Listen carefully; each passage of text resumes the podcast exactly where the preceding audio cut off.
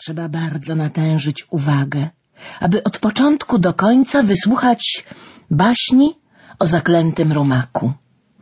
Jest to bowiem baśń pełna zdarzeń niespodzianych i cudów niesłychanych. Naprawdę czarodziejska baśń. To też nieuważnemu i nieostrożnemu słuchaczowi łatwo zabłąkać się w tej baśni, tak samo jak się pewien chłopiec zabłąkał w lesie czarodziejskim. O północy wszystkie ścieżki i drogi tego dziwnego lasu zaczęły ze śmiechem skakać i pląsać i rozpląsane uciekały przed chłopcem, ile razy chciał na jedną z nich nastąpić nogą, ażeby po niej wrócić do domu. Trzeba być bardzo uważnym wówczas, kiedy się wchodzi do czarodziejskiego lasu, albo wówczas, kiedy się słucha naprawdę czarodziejskiej baśni. Nawet królowie perscy, arabscy i indyjscy natężali swoją królewską uwagę, gdy im opowiadano tę dziwną i straszną i osobliwą i niepojętą baśń o rumaku zaklętym. Prosimy więc o ciszę, gdyż oto baśń się zaczyna.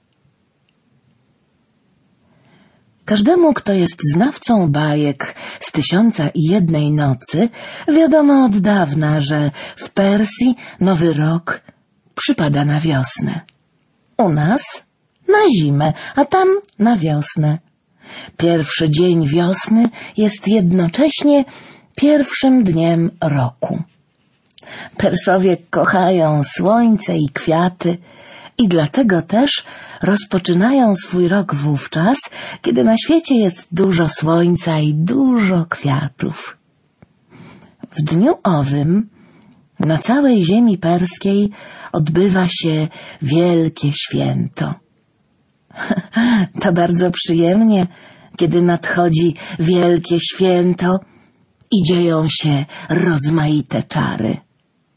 Trzeba bowiem zauważyć, że w Persji jest wielu rozmaitych czarowników, szczególnie w głównym mieście, stolicy Persji, która się nazywa Szyraz. W takim właśnie dniu, na Nowy Rok, w Szyrazie odbywało się wspaniałe święto. Na ogromnym placu przed Pałacem Królewskim ustawiono wysoki tron rzeźbiony ze złota, wydobytego niegdyś z sezamu. Na tym tronie zasiadł sam król w płaszczu purpurowym i w koronie gęsto nabijanej brylantami. Ciekawi poddani starannie zadzierali nosy do góry, żeby zajrzeć w oślepiający blask korony królewskiej. Ale promienie słońca, odbite od brylantów, trafiały im wprost na twarze i przypiekały nosy, ciekawie zadarte do góry.